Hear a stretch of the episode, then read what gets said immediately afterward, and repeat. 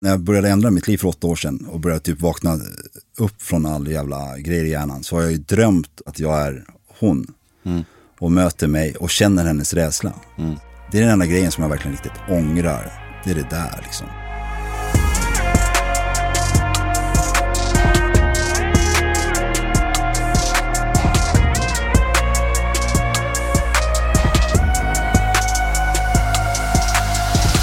Ja, det är onsdag igen och ni ska känna er varmt välkomna till podcasten Hedén med Boman och Granander, en beroendepodd. Mitt namn är Nemo Hedén och jag driver den här podden ihop med Felix och Robert på The House Rehab. Och vi gör den här podden för att krossa tabun kring beroende. Vi gör den för att sprida kunskap om eh, beroendesjukdomen och även medberoende såklart. Och vi gör den för att i någon mån försöka hjälpa människor där ute och eh, ja, reda ut de här missförstånden och förutfattade meningarna som finns om beroende och medberoende. För det finns ju väldigt många och eh, ibland känns det som ett eh, oövervinnligt berg att bestiga. Men det vi kan göra då är att fortsätta släppa den här podden och hoppas det bidrar till förbättring på något sätt. Ibland sitter jag här med Robert och Felix från The House Rehab och då kör vi temasamtal och ni får jättegärna önska teman om ni vill höra något särskilt i den här podden. Då kan ni eh, höra av er till vår Instagram. Den heter kort och gott Hedén Boman Granander i ett ord. Eh, eller om ni vill önska en gäst på podden, då får ni också höra av er dit. Det är alltid härligt när ni hör av er med feedback, eh, ja, respons och allt sånt där. Men ibland sitter jag här ensam också med en gäst och idag är det ett sådant tillfälle när jag har bjudit in en vän från tolvstegsvärlden som jag lärde känna för många herrans år sedan. Vi har också blivit vänner på, eh, på färden kan man säga och idag ska han få komma förbi här och eh, dela med sig av sin story och jag tror det här kommer bli väldigt, väldigt fint. Vi säger varmt välkommen till Joakim Lindén. Tack så mycket Nemo. Och ska man hårdra det så är det Joakim Lindén Kastenbäck, för jag har gått och gift mig. Just det, just det, förlåt, förlåt. Du är förlåten. Ja. Eh, Men jag tänkte på under ditt intro där, det är ganska intressant hur mycket fel man själv hade, att det var, det var inte bara att sluta. Det trodde jag under många, många år. Jag har ju två missbrukande föräldrar och jag tänkte ju om dem, varför slutar de bara inte? Varför slutar de bara inte? Sen hamnade jag där själv med samma tanke, jag ska bara sluta, jag ska bara sluta. Ska, Men jag måste först göra det här. Måste, Men verkligen, det är nog ett av de största missförstånden det här med att man ska plocka bort alkoholen och drogerna och då är liksom problemet löst. Men eh, vi som har gjort den här eh, resan, om man får använda ett sånt pretentiöst ord, så vi märker ju att då blir nästan tomheten ännu större på något sätt. Eh, Det blir som att vi har använt alkoholen och drogerna för att, för att fylla någonting. Och då måste vi fylla det med någonting annat ju.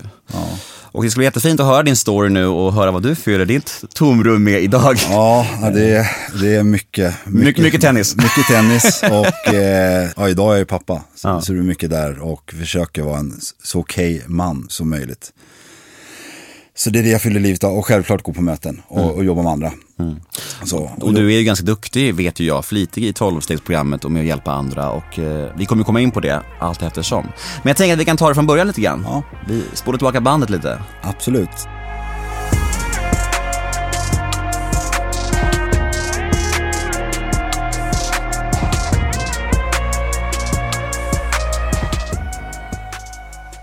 Jag har haft turen tänkte jag säga, men det är väl kanske inte tur. Men jag hamnade på ett behandlingshem. Och där var en av frågorna, så här, typ, då skulle man prata om ens första minne. Eller man ska inte man ska försöka tänka ut det första minnet man hade.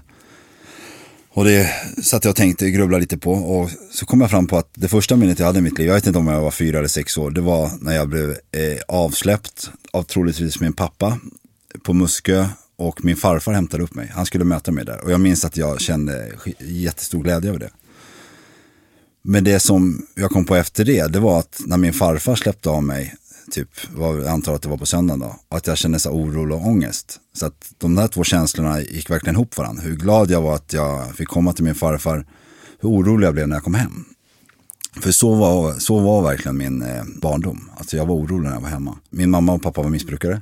Och jag hade en storbror och en storasyster. Storasyrran bodde inte hemma. Så här, vi fick reda på det här senare. Sen hade jag småsyskon efter tiden då. Så att jag har, idag har tyvärr en gått bort. Men eh, jag hade småsyskon som jag såg inte mådde bra. Som jag hade, kände så att jag behövde ta stort, stort ansvar över. Liksom. Så det var nog mycket därför jag kände den här oron. Alltså, hur ska den här dagen vara idag? Så här, vad kommer hända? Kommer det vara alkohol? Kommer det vara något annat? Då fattade jag inte att det var något annat. Men jag kunde tydligt se att, att alkohol fanns i bilden. Jag kunde tydligt se och känna den här skillnaden från innan kröket eller vad man säger till ja, hur de blev när de krökade. Liksom.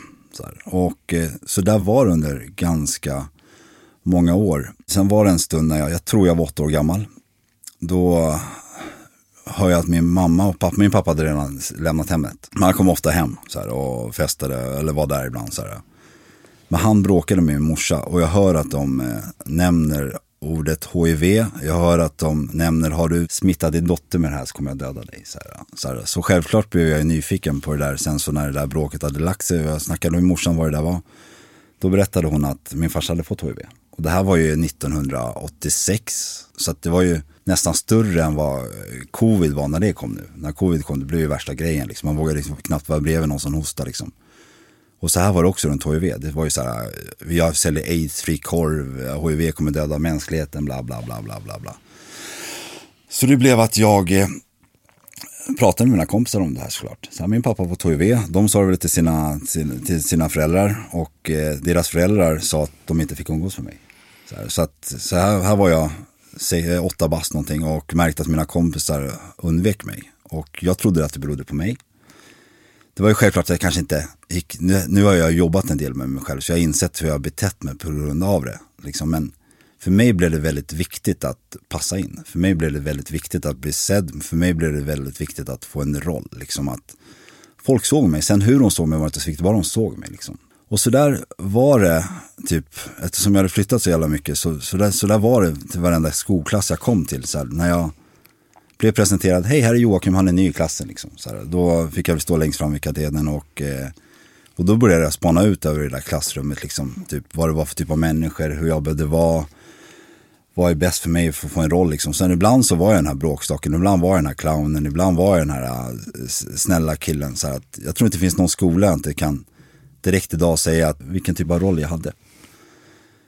Och så där såg det ut tills ja, tills jag var 15-16 år och fick en egen lägenhet. Men tills jag hade kommit dit, då hade ju SOS blivit inblandad hemma. Mina syskon hade blivit utplacerade, jag hade blivit utplacerad. Var det här någonting du konfronterade dina föräldrar om att det här pågick? Eller var det liksom så normaliserat att det liksom inte ens kom upp på tal? Nej, jag, jag jätteofta. Mm. Jag frågasatte eh, morsan framförallt. För farsan han kom och gick hela tiden. Mm. Så här, min farsa, fast hans beteende var det ju min gud. Liksom. Han sa att han hade brunt bälte i karate, han hade gjort det, han hade, det var ju lögner det visade sig. Men mm. jag såg verkligen upp till honom. Varje gång han kom så, så blev jag så jävla glad. Vid ett tillfälle kom han och lämnade en mountainbike som var gul och blå. Och eh, jag tyckte den var så jävla snygg den här mountainbiken liksom. Eh, och jag blev så stolt. Men den hade punka på framdäcket. Så min farsa sa efter en typ en halvtimme, timme, fem timmar, jag minns inte att jag ska bara ta den här och sen ska jag fixa framdäcket. Så, här, så du får den så den är hel. Men han kom aldrig tillbaka med cykeln. Han var ju, her han var ju heroinist. Så, att, så jag vet ju idag att när han såg den här mountainbiken så tänkte han, tror jag i alla fall, att den här ska jag ge till Joakim, han kommer bli jätteglad. Han köpte den där. Sen så hade det gått fem timmar och han behövde en ny kabbe. Mm. Och hur fixar han pengar till kabben? Han behöver sälja cykeln. Sådana där minnen alltså, det är så jävla speciellt alltså. Jag har något liknande minns jag, hur, hur, liksom, hur mina föräldrar bara så här, för att de hade hört att vi syskon var så avundsjuka på att andra barn hade så ofta sparkonton, du vet. Föräldrar brukar göra jag gör det till sina barn. Det är ganska vanligt. Ja. Så här. Eh, och vi barn hade varit avundsjuka på det och vi hade sagt till våra, till våra, våra föräldrar så här, men alltså, kan inte vi också få någon så här? Och då hade de typ, typ så här, någon så symbolisk grej att ge alla sex barnen en tusenlapp var på ett sparkonto som man ska få när man fyller 18. Och, så här, och alla var ju i eld och lågor, så glada liksom. Och vi hade det typ i några veckor. Och sen, det är så jävla mörkt. Och sen så hade de inga pengar kvar, så då fick de ta pengarna och, och handla mat för det ändå. Det är tragiskt. Alltså det är så jävla deppigt alltså. Det, men, ja, man kan ju bara garva åt det. Ja, men man det, kan bara göra det. det påminner mig om ditt minne lite grann. Jag är övertygad att de hade en god tanke med det första början också. Ja men det är klart, det är klart. De ville ju göra det fint för oss och sen så hade de inga pengar kvar sen. Det blev ju fel liksom. Vad fan ska man göra liksom? Ja men exakt.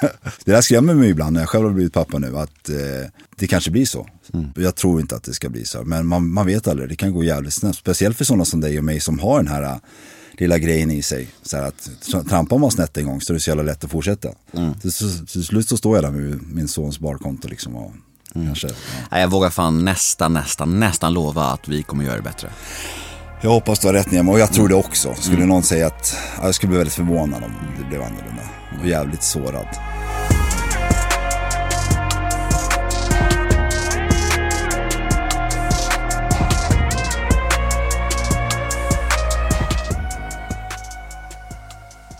Ja, men tillbaks till min ungdom så, så var det så här, det var väldigt mycket flyttar, det var väldigt mycket kaos. Morsan hade, eh, alltså hon levde ju som en alkoholist slash missbrukare och det drar ju till sig en viss typ av killar.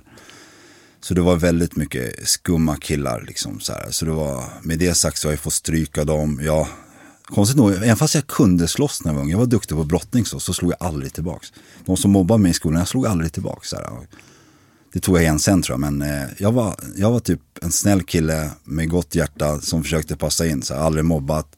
Men jag har tänkt på det många gånger, varför jag inte slog tillbaka. Eh, de här morsans killar som hon träffade som var skitpåverkade många gånger. Jag hade, jag hade ju lätt kunnat tagit dem om jag velat. Men jag gjorde det aldrig. Så det var inte min natur liksom. Men så där såg det i alla fall ut tills jag var 15 och ett halvt. Då hade SOS tröttnat på att placera mig. Så här, och, och eh, sa du ska få chansen att få en egen lägenhet. Och då bodde jag i en liten stad som heter Jo. Och där fick han lägenheten och, eh, och träffade fyra kompisar som jag blev väldigt tajta med. Liksom. Och tills dess hade jag druckit två gånger. När jag slutade åttan och jag slutade nian. Annars var jag så anti-våld som jag precis förklarade. Jag var anti-alkohol och eh, antidroger vågar jag garantera att jag var också. Men jag tror inte jag riktigt fattade det där. Så här, jag förstod att Christiania var cannabis. Det förstod jag, för farsan tog med mig ofta. Jag såg att farsan var annorlunda, men alla där på Christiania var skittrevliga. Men jag såg ändå att det inte var någon bra liksom.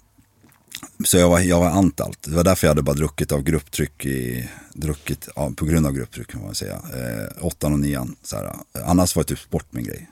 Men när jag fick den här egna lägenheterna med de här fyra kompisarna, då började, sakta men säkert så började jag börja kröka lite, jag började slåss lite. Sen så, jag vet inte om det hade gått ett halvår, ett år, då kommer den här, den tuffa i det här, vårt, vi var inget gäng, vi var ett kom, eh, kamratskap liksom hem med cannabis till oss. Så här, bara, nu ska vi röka på Jocke. Jag bara, nej det ska vi inte göra. Det är klart vi ska röka. Jag bara, ska vi. Så här, och, eh, men jag, jag, jag sa faktiskt nej. Så här, men jag sa, men jag vill inte rök ni. Så här, och, eh, men sen dagen efter skulle de röka igen, då pushade de mig. Liksom, och, det som hände att jag kände inget. Jag kände absolut ingenting första gången jag rökte. Så att det inte var ingen fara liksom. Det här är ju skitbra, här kan jag fortsätta med liksom. De kommer inte ens, eh, inte för att jag ville fortsätta med det, men att jag behövde inte säga nej, för det hände ingenting ändå liksom. Så att, men sen så tror jag var helgen efter, det kan vara tre helger, tre helger efter också. Då skulle vi också röka. Och eh, det som hände då, att det blev magiskt. Så här, det blev tyst i mitt huvud. Den här oron för min morsa, min farsa och framförallt min, min, mina småsyskon försvann. Den bara försvann. Det var bara, jag mådde så jävla bra. Det var så här lugnt, det var stilla. Jag satt och skrattade åt den här filmen fast vi hade musik på. Jag bara shit, hur fan, det här var ju inte farligt. Det här var ju asbra liksom. Så, här, och, eh, så där blev lite inköpsporten för eh, just att droger inte var farligt. Så här. För jag har ju haft en bild av att droger var skitknäppt och man blev helt knäpp på dem. Så jag trodde alla blev som min morsas killar liksom. Men så var det inte. Det var ju något magiskt liksom det där. Så att eh, drifter som jag är började drifta upp lite småpengar här och där. Så jag kunde hela tiden eh, finansiera mitt, mitt rökande eller vad man säger. Men då var det kanske till helger, ibland kunde jag kanske vara ifrån någon månad. Men det var regelbundet i alla fall. Och jag såg alltid fram mot de här stunderna. Bara, på fredag ska vi spela Playstation, då ska vi röka, det ska bli så jävla nice liksom. Och, eh, samtidigt höll jag ju på med eh, lite, lite andra grejer som så här, eh, jag har alltid gillat brott. Så att jag höll på med lite småinbrott och sånt där i, i Jo också.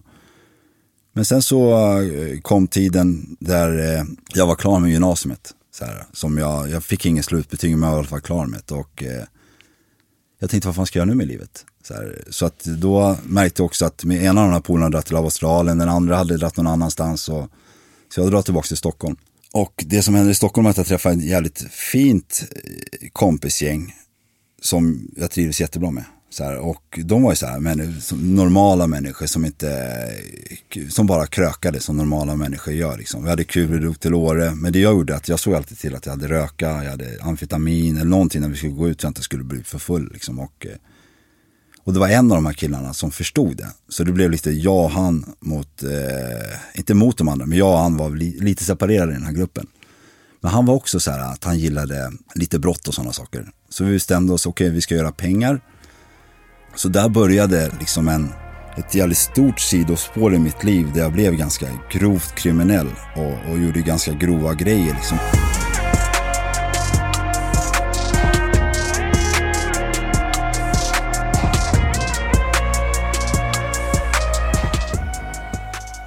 Jag förstod ju själv att det första du ska göra om du ska vara kriminell är att du inte ska åka fast.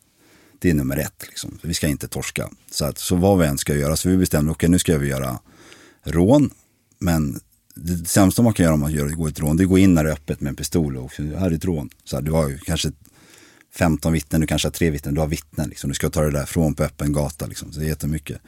Det bästa är att gå dit med nyckeln. Liksom. Kanske med den som eh, äger butiken. Liksom. Så här, då har du kanske bara ett vittne och du har full kontroll över situationen. Så, här, så, då, så vi åkte hem till de här personerna, såg till att vi fick nyckeln, fick den informationen vi behövde. Men med det sagt också så var man kanske tvungen att binda partnern, så här, tvinga sig fram, eh, lite information som man behövde ha. För att sen åka tillbaka dagen efter, så det blev typ en helt kväll liksom. Och, eh, så det var ganska mycket känslor som trycktes undan. Så här, som jag sa när jag var i skolan, jag lärde mig vad jag behövde bli för att ta plats eller vara någonting. Så, här. så även inom det kriminella så det var väldigt enkelt för mig att sätta på mig den här masken. Att bli den här personen som att nu ska vi ha de här pengarna, nu ska vi klara det här brottet och det spelar ingen roll vad jag behöver göra för att få det gjort. Så länge jag inte åker fast på det. Kändes det inte jobbigt då i stunden alls? Eller var du helt avstängd? Helt, helt avstängd. Mm. Alltså där tror jag att hade jag behövt, nu låter det helt skevt här, men typ skadliggöra någon helt så hade jag gjort det. Så här, helt så här. Och, så jag var den som var den ultimata personen som själva gjorde, utförde själva grejen. Första grejen jag gjorde, det här var ju före Facebook, det här var ganska länge sedan liksom. Så här, jag vet inte, 15-17 år sedan kanske. Så vi kom över jävla massa guld alltså. Men eh, en sak gick inte som tänkt liksom. Så här, och det var att det blev en till person inkopplad som inte var tänkt skulle vara inkopplad. Men jag satt ju safe där, jag hade, jag hade så här, alltså ingen kunde se mig, så här, luva och allting. Men den här personen som ser mig, jag ser hur livrädd hon blir. Hon blir totalt livrädd liksom. Och, eh, så det blev jättekonstigt liksom. Men i alla fall det som händer det är att jag får ju binda henne sån där skit tänkte jag säga. Det är ju skitskumt. Alltså, men, når, men når det dig då? Alltså, för du sa nyss att du är avstängd. Når, att när hon ser så rädd ut, når det dig tror du? Nej, jag har ju bara fokuset bara. Ja, mm. Men liksom ett sidospår för den här grejen det är att när jag började ändra mitt liv för åtta år sedan och började typ vakna upp från all jävla grejer i hjärnan så har jag ju drömt att jag är hon. Mm och möter mig och känner hennes rädsla. Mm. Det är den enda grejen som jag verkligen riktigt ångrar. Det är det där liksom. Så här, men där och då ångrar jag inte. Nej. Inte, inte ett skit liksom. Jag, läskigt att säga, jag hade skit om det var ett barn. Så mm. Mitt fokus var, jag ska ha det här liksom. Så här, och, och jag såg till att få det.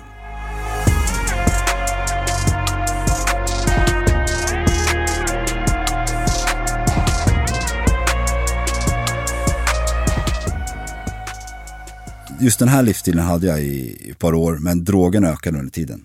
Då ökade, ropparna blev mer, de här 542 de här blå grejerna, gröna blå. Och cannabisen blev mer.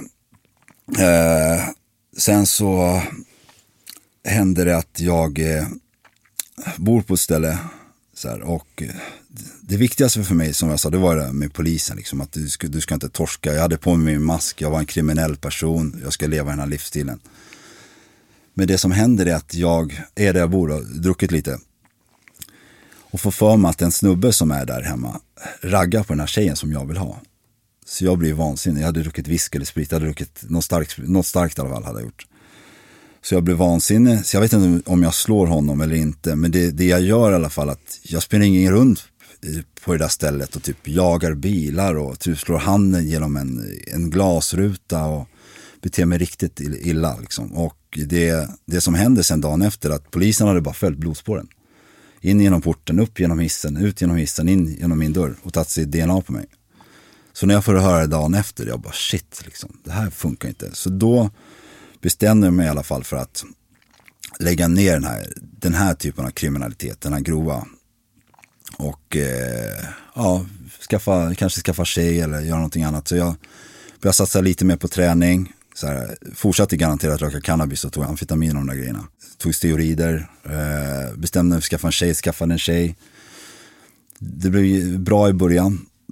Så här, men sakta men säkert började den här tjejen ta droger med mig. Så här, och det funkade också i början, liksom, så här, men hon var ganska mycket yngre än mig. Och eh, jag vet inte om du har levt med någon tjej och tagit mycket amfetamin. Nej, jag har ju levt med en tjej och tagit mycket droger. Ja, inte, men- inte just amfetamin, men jag vet ju vad du menar nu. Ja, det där destruktiva som blir. Mm. Så här, det var Gränslöst, väldigt.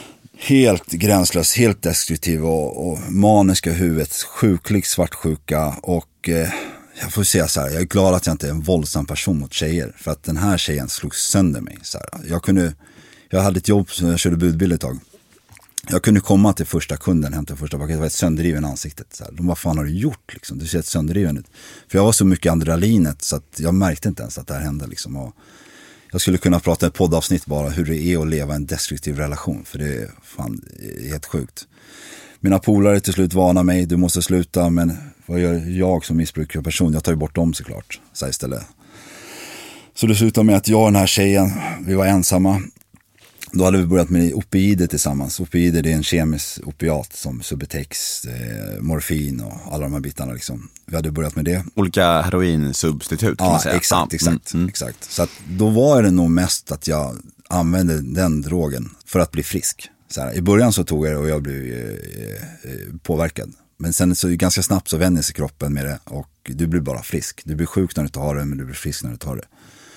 Så det var, det var en period på ett, kanske cirka ett år där jag, vi bara höll på med det där. Det var en ganska död relation på det sättet att inget speciellt hände. Vi såg fram emot typ Idol på fredagar och någon, någon annan serie som kom ut liksom. Under den här tiden har jag också börjat typ få den här smarta idén att sälja grejer på Tradera. Så här, och eftersom jag är ganska driftig så började jag baxa massa Blu-ray 3D-filmer. Så här, du kunde få med dig 10-20 stycken under jackan och gå ut liksom. Och du kunde sälja dem på Tradera för en 200 styck. Så jag gjorde ganska mycket pengar på det där. Så när jag hade fått upp någon hundring tror jag, då bestämde vi oss för vi gör så här. Vi drar till Thailand, vi får en nystart när vi kommer hem. Så vi bodde i en andrahandslägenhet.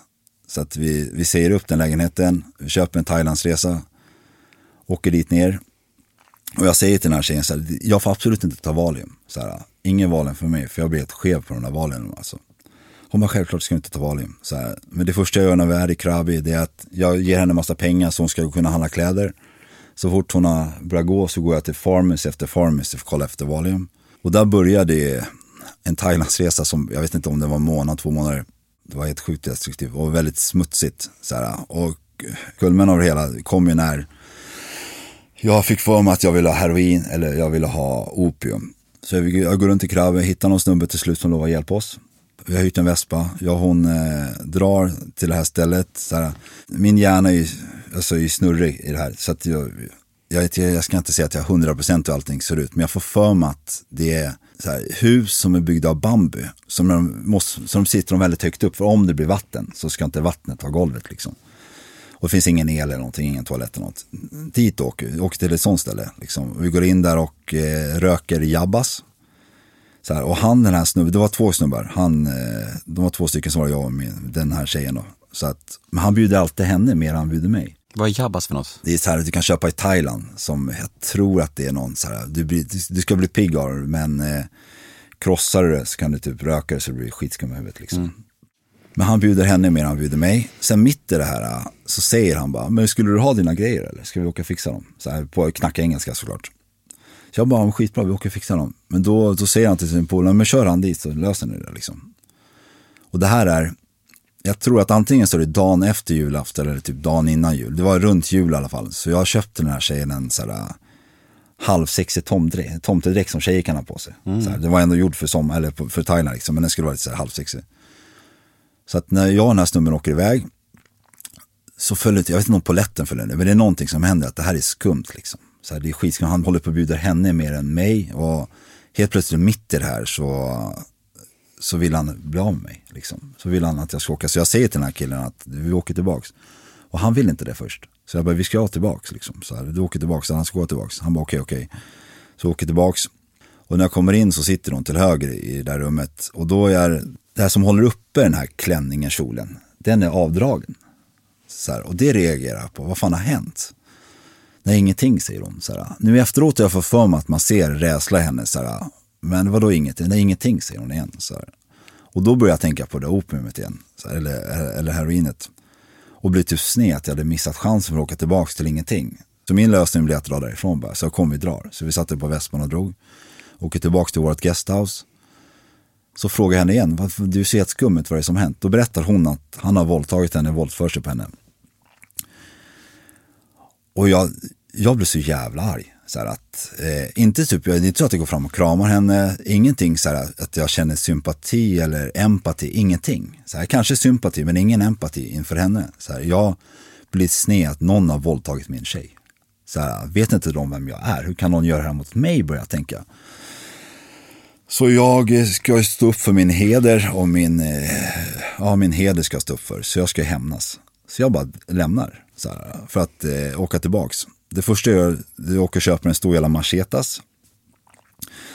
Sen ska jag hitta tillbaka dit. Så här, och, men jag hittar inte tillbaka till det stället. Så här, jag åker runt, jag vet inte om det är fem timmar, en timme, två dagar, jag har ingen aning hur länge jag åker runt. Men jag åker runt jävligt länge. Så här, och det, det jag hittar till slut det är en jävla massa thailändare som spelar fotboll. De står på eh, typ jävla skogsfält och spelar fotboll och, och frågar hur jag mår. Så här, när jag väl kommer. Så här, och jag måste sett helt trasig ut. Jag var, nu väger jag 100 plus, jag kanske vägde 70 här liksom. Och jätte, jättelång, men jag är ganska lång liksom. Så jag måste sett helt förstörd och insjunken och knas ut liksom. Men jag minns att de var jättetrevliga och eh, verkligen brydde sig om mig. Så här. Men eh, ja, de får mig i alla fall att vända tillbaks. Så jag åker tillbaks, då har ju hon dragit till ett sjukhus. Så det tog, det tog ett tag för mig att hitta det där stället. Men till slut hittade jag det. Och vi bestämde oss för att åka hem.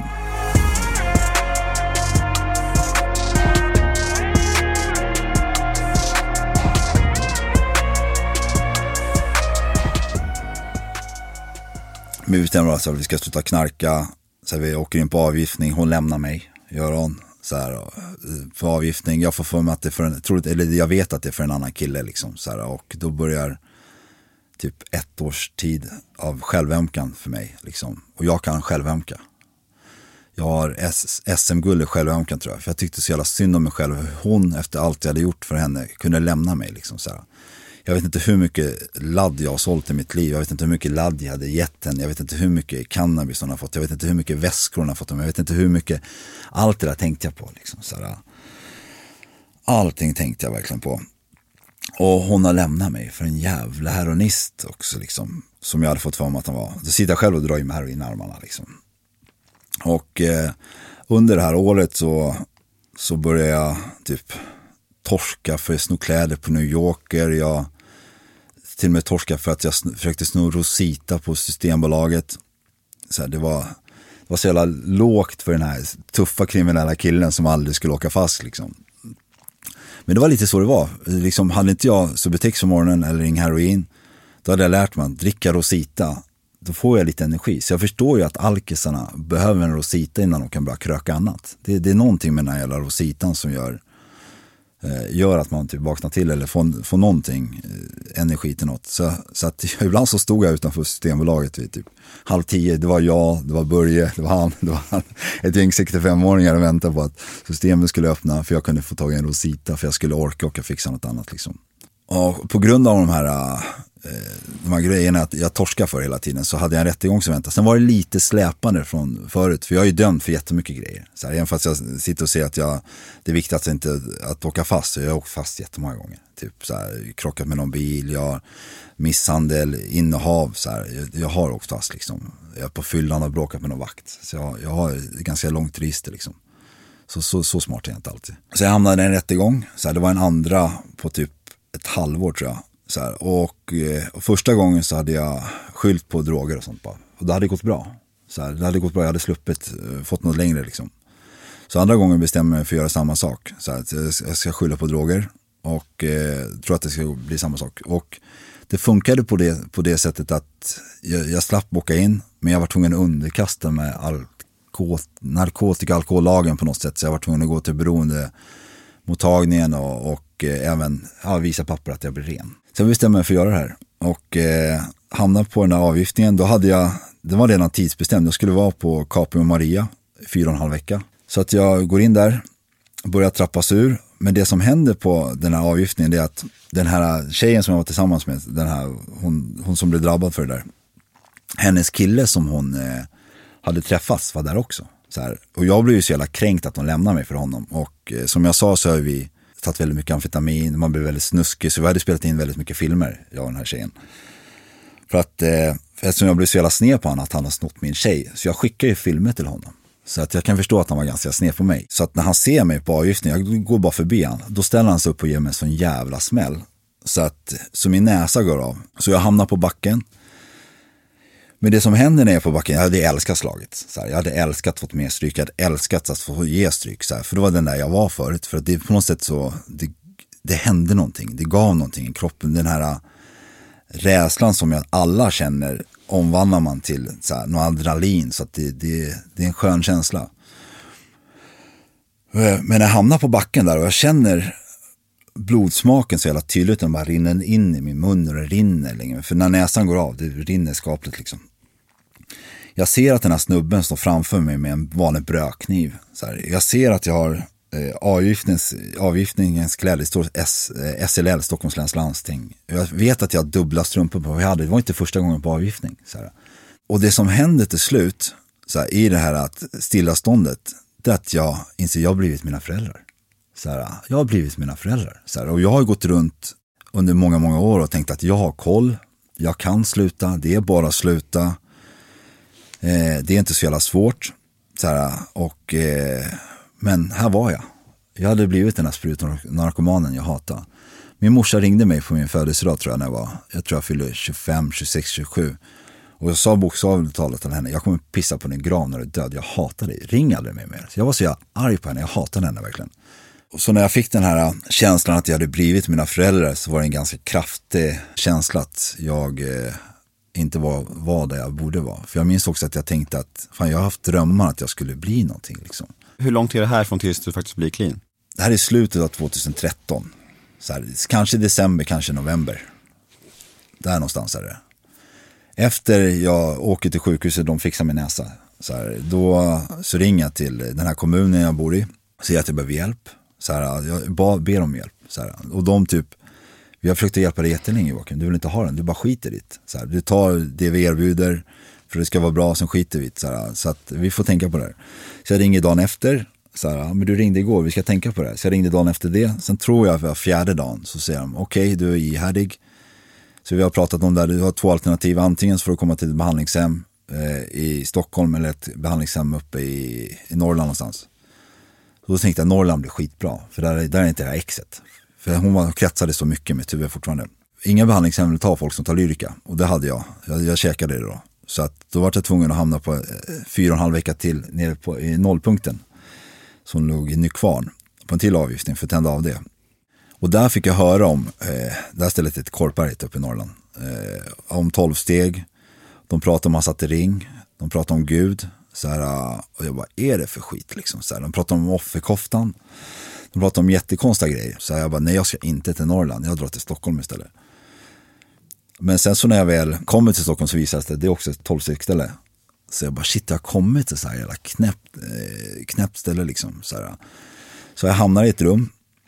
Och det första den här terapeuten säger till mig så här, Joakim har hört talas om sjukdomsbegreppet? Så jag bara, nej jag vet inte ens vad det är. Jag typ skämdes för jag var där. Så här, för att jag såg sinnesrobönen på väggen och jag såg typ en dag i taget. Ta det, det var så, jag bara, shit vad är jag någonstans liksom? Då började han förklara vad sjukdomsbegreppet var. Först är det så här, fysisk allergi. Så jag bara, fysisk allergi, liksom, jag är inte allergisk mot någonting. Vad snackar han om liksom? Så det är att du kommer få ett merbegär. Så här, när, när du har börjat så kommer du vilja fortsätta. Och jag bara, det är väl inget konstigt med det. När har jag någonsin rökt en joint? När har jag någonsin tagit en lina? När har jag någonsin tagit en spruta? Liksom man vill ju ha, man vill ju fortsätta liksom. Sen, så, så, finns det något som heter mental besatthet. Så här, det är en tanke starkare än alla andra. Liksom. Du kommer gå över lik för att få det du vill ha. Liksom. Och, eh, så jag bara, men det är också helt normalt. När har jag inte kunnat fixa det jag vill ha? Det gör man ju. Liksom. Vill man ha någonting så löser man det, då fixar man det. Liksom. Så att det är ju fullt naturligt också. Jag sa inte det här till han, men jag tänkte det. Liksom. Sen sa han, att jag tror att han nämnde det andlig villfarelse. Andlig vet jag vad en villfarelse är, jag vet fortfarande knappt vad det betyder. Liksom. Det saknas någonting, det är tomt liksom. Och eh, så har det känts för mig ganska mycket, eller typ alltid. Sen var lite, antingen saknar jag mina syskon, sen saknar jag någon fart, jag saknar planera brottet, jag saknar att gå till kranen. Jag saknade något hela tiden, det var, det var jävligt tomt inom mig liksom. Fast jag fattade inte att det var tomt. Det var bara att jag hela tiden såg till att jag behövde fixa någonting. Och, eh, sen så skrev han, det, det här är sjukdomsbegreppet, drog streck under det. Så då bestämde jag att det här är ju värsta luffastället. Liksom. De pratar typ om mitt liv och det, full, det mest normala kring den här livsstilen och de säger att det är en sjukdom. Liksom. Sen kom nästa tanke på det här, då skulle de påstå att mina föräldrar var sjuka också. Mina föräldrar tog väldigt mycket plats i mig, har jag märkt, märkte jag i början av det här utan att jag ens jag visste det. Liksom. Så jag gjorde det jag gjorde bäst. Jag gick upp på mitt rum, jag ringde min kära mor och bad henne komma med droger till mig. Så, här, så hon kom med det. Så att i typ tre och en halv vecka så var jag på det där behandlingshemmet. Typ, jag rökte, jag sköt i mig ecstasy, jag, jag tog det som fanns. Och jag lyckades fuska på ett urinprov. Eh, sen lyckades jag typ ducka de andra. Och Jag gick alltid runt med varmt urin, en liten så här clear eyes flaska för att om jag skulle åka in på något så här sporadiskt test liksom. Men sen kom det efter tre och en halv vecka att de helt efter lunchen ber mig gå in på kontoret. Så säger de så här, du sitter här tills du har pissat. Så jag bara, shit, nu är jag körd alltså. Jag tänkte, hur fan ska jag lösa det här? För då hade jag den där lilla, den här clear eh, flaskan på rummet. Så jag sitter, ja men jag låtsades fejkkissa, jag kan inte kissa, jag kan inte kissa. Sen efter typ en och en halv timme så bara, det här är ju kört, jag kommer inte därifrån. Så jag bara, okej okay, jag erkänner, jag rökte en joint, så. Så det var det jag tänkte, det låter bra om jag bara rökte en joint. Och de bara, men skitbra att du är ärlig liksom. Okej, okay, nu får jag vara kvar tänkte jag. Bara så du vet, packa dina grejer och dra. Och, eh, och då hade jag ju suttit på det här eh, i mitt rum där och typ knarkat för att de påstod att jag var sjuk. Så här, jag kommer inte att säga att jag är sjuk, liksom, det här är ingen jävla sjukdom. Men jag packar mina grejer i alla fall, går ner, ska säga hej då till personalen och de säger du måste, du får komma tillbaka om två veckor om du är ren om två veckor. Då får du komma tillbaka. Och det sista Lotta säger, jag hoppas hon vilar i frid från de döda då tyvärr, till mig, Joakim glöm inte bort att du är sjuk. Glöm inte bort det. Så jag bara,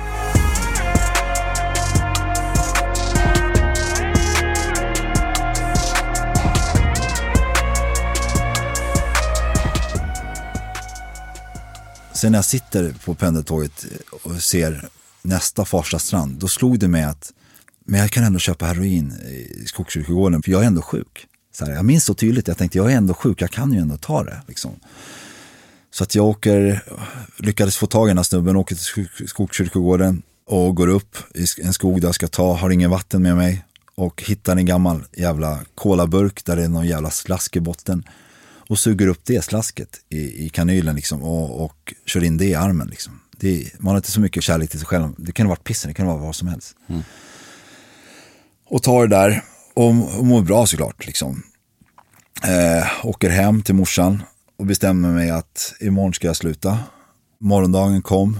Jag tyckte morsan var jobbig. Jag tyckte det var det här behandlingshemmet var dumma i huvudet.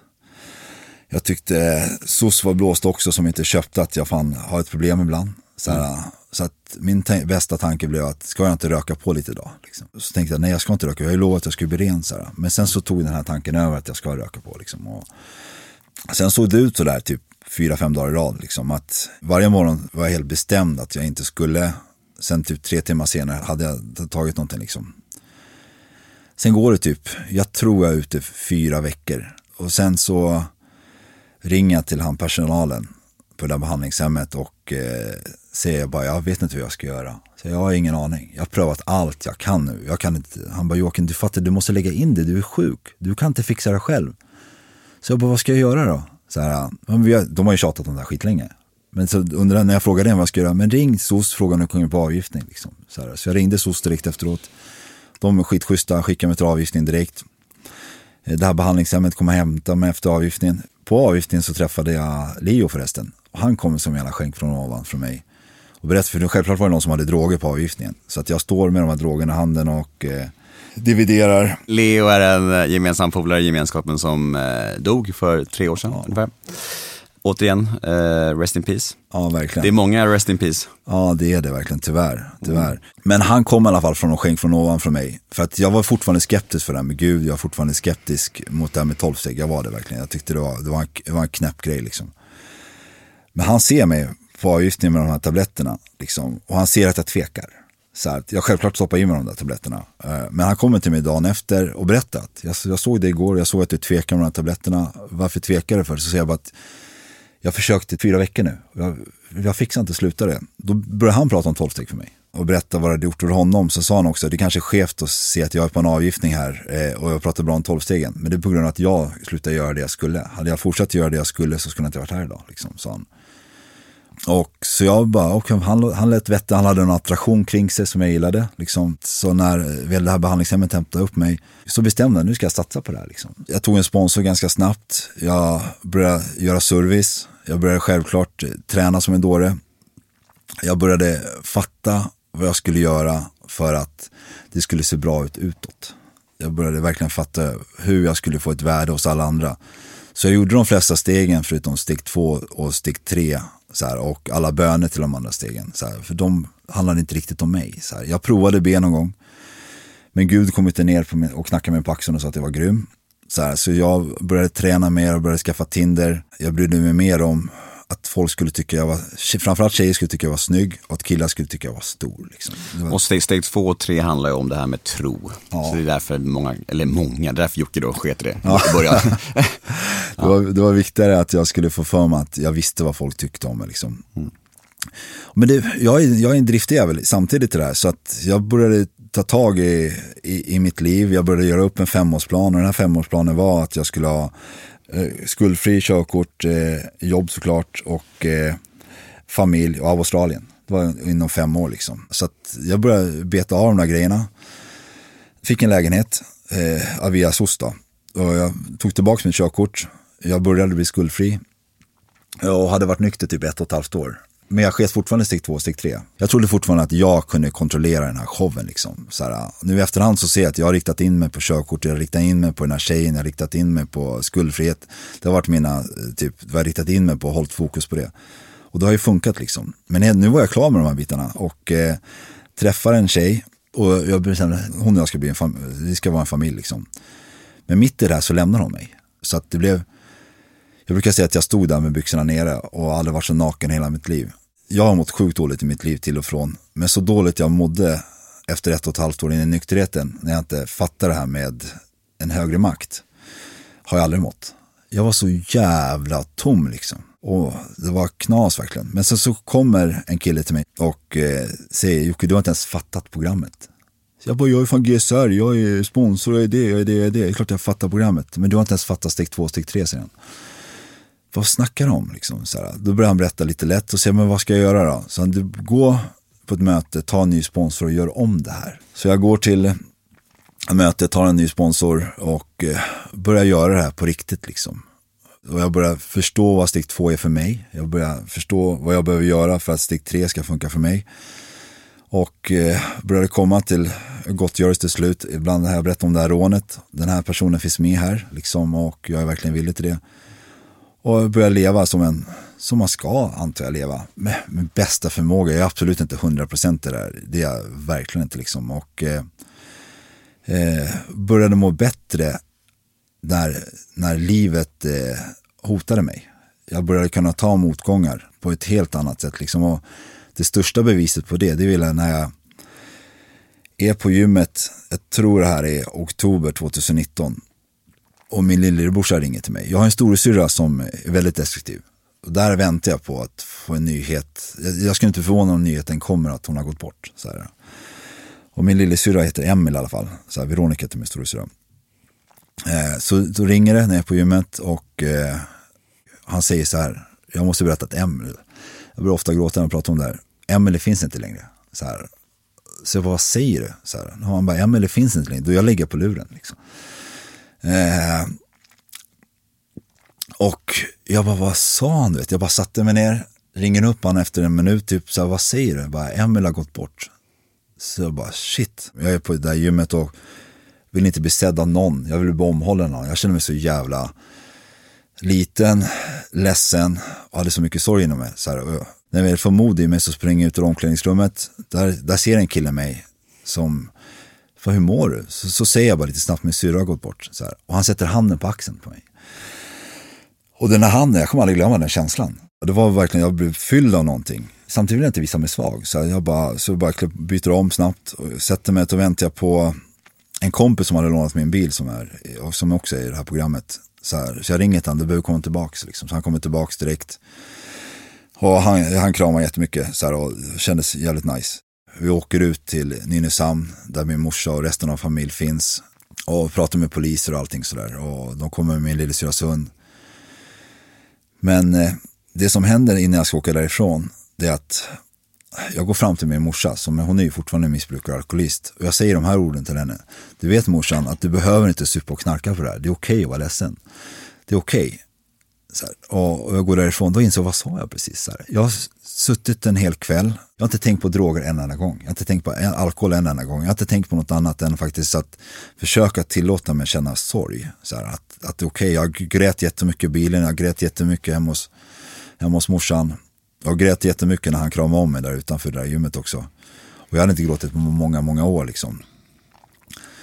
Det är för mig det största beviset att fan, det här funkar verkligen. Förut så fick jag inte SOS-bidraget i tid eller något annat, då ger mig fan på att jag knarkar på det. Här har min syrra gått bort och jag tänker inte ens på alkohol och droger. Och sen att jag kan se till min morsa var jättefint också. Vad sa hon då?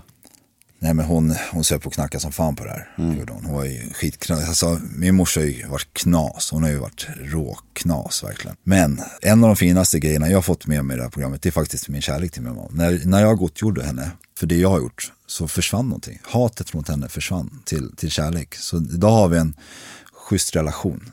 Alltså jag har en relation med en människa som är lite sjuk såklart. Men den är ändå schysst. Så här. Hon har träffat mitt barn och hon älskar honom. Och, så det, det är jättefint liksom. Mm. Vi ska koppla in eh, Robert och Felix från The House Rehab för att svara på en lyssnad fråga. Och segmentet heter The House svarar.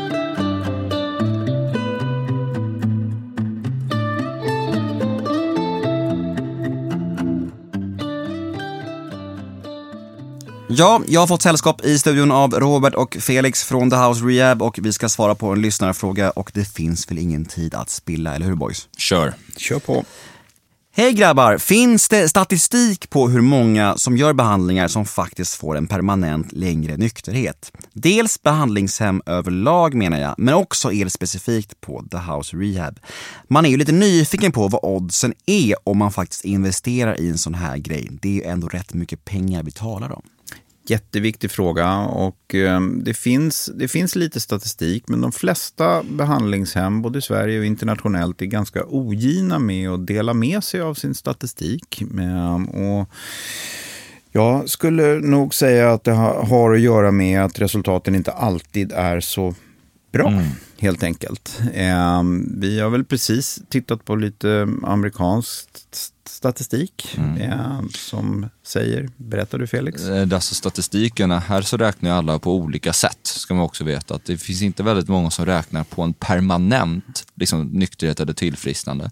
Utan den absolut största majoriteten räknar ju på en månad och ett år, eh, brukar det vara. Mm. Och när det kommer till den amerikanska statistiken så tittar man ju på att inom 30 dagar efter avslutad behandling så brukar runt 60 procent av alla klienter och patienter ta ett återfall.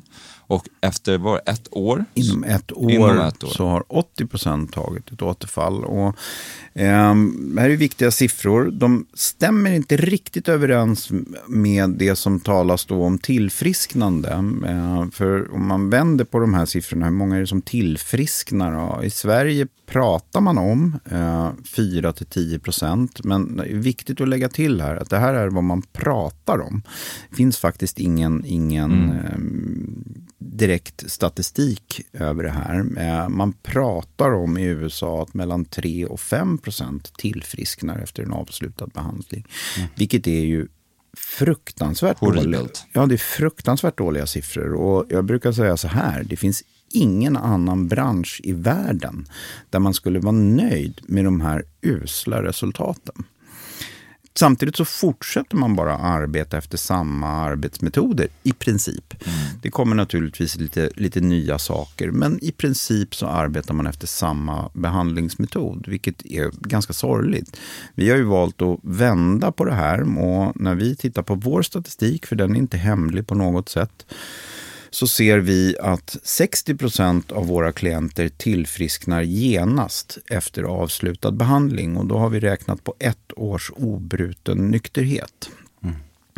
Eh, ytterligare 25 30 procent tillfrisknar efter ett två eller tre återfall.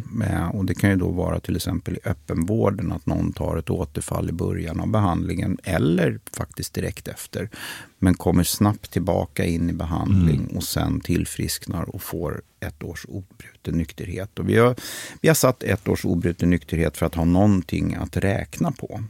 Men det, det betyder att cirka 85 90 procent av våra klienter faktiskt tillfrisknar efter en avslutad behandling.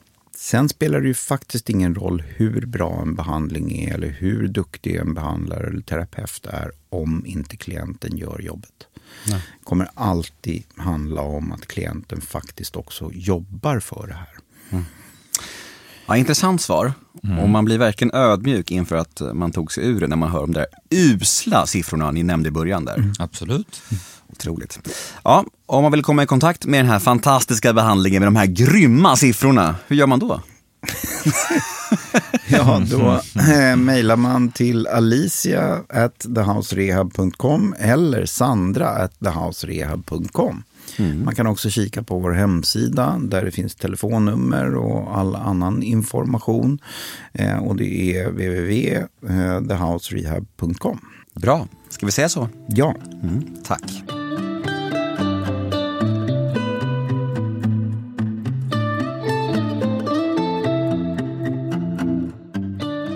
Tack Robert, tack Felix och hoppas du som ställer frågan är nöjd med ditt svar. Jag sitter här med Joakim Lindén Kastenbäck. Vi har fått lyssna på din eh, livshistoria och jag tycker att du gick ut från den på ett fint sätt. Just det här med att kunna möta livet eh, i med och motgång utan att tanken ska bli att fly, som vi alltid har hanterat känslor genom livet. Eh, du förlorade din syster och hade inte en tanke på alkohol och droger. Och det är ett kvitto någonstans på att man har ett tillfrisknande som har cementerats inom en. Så det är, det är häftigt verkligen. Eh, och det där kan jag tycka i livet generellt, även att, för när förr så var det som att man hanterade alla känslor genom alkohol och droger. Hur man än kände så var det så här, ja men mår man bra ska man fira det, mår man dåligt ska man fly. Alltså så här, det liksom fanns liksom ingen, allt skulle bara förändras i en. Och nu är det verkligen så att nu hanterar man det på ett annat sätt. Man går på ett möte, man ringer sin sponsor, man, man ringer någon i programmet, man använder verktygen och det är så här, det, det för mig är tillfrisknande, att, liksom, att, att vara omprogrammerad på det sättet. Eh, håller du med mig där? Ja, verkligen. Jag får ofta frågan så här, vad tillfrisknande är. Ibland brukar jag svara att jag inte behöver knarka och supa där jag brukar supa och knarka. Mm. Så här, precis som du säger. Jag är fortfarande, jag är absolut inte världens bästa människa. Jag gör fortfarande massa fel. Här, mm. Verkligen liksom. Så här. Men jag försöker ställa dem till rätta. Jag försöker vara schysst liksom. Mm. Och jag tror det handlar mycket om det, att, försöka göra så gott man kan, att vara medveten om när det blir fel och att reflektera över sina egna beteenden och sådär. För att vi, vi vet ju både du och jag att vi liksom aldrig blir några helgon och vi kan bara fortsätta försöka liksom sträva i någon slags andlig, positiv, utvecklande riktning. Och det är det vi gör genom den här podden och genom eh, att gå på möten och jobba med oss själva. Eh, och den här medvetenheten tror jag är, är otroligt, otroligt eh, viktig. Så äh, men jag är jätte, jätteglad att du kom hit idag. Ja, tack så mycket att du blev inbjuden. Ja, ja. ja. Och eh, till er som lyssnar, ni får gärna lyssna igen nästa onsdag. Och vill ni önska gäster eller teman eller vad som helst, hör av er på Instagram. Vi hörs igen nästa onsdag och var rädda om er. Puss och kram.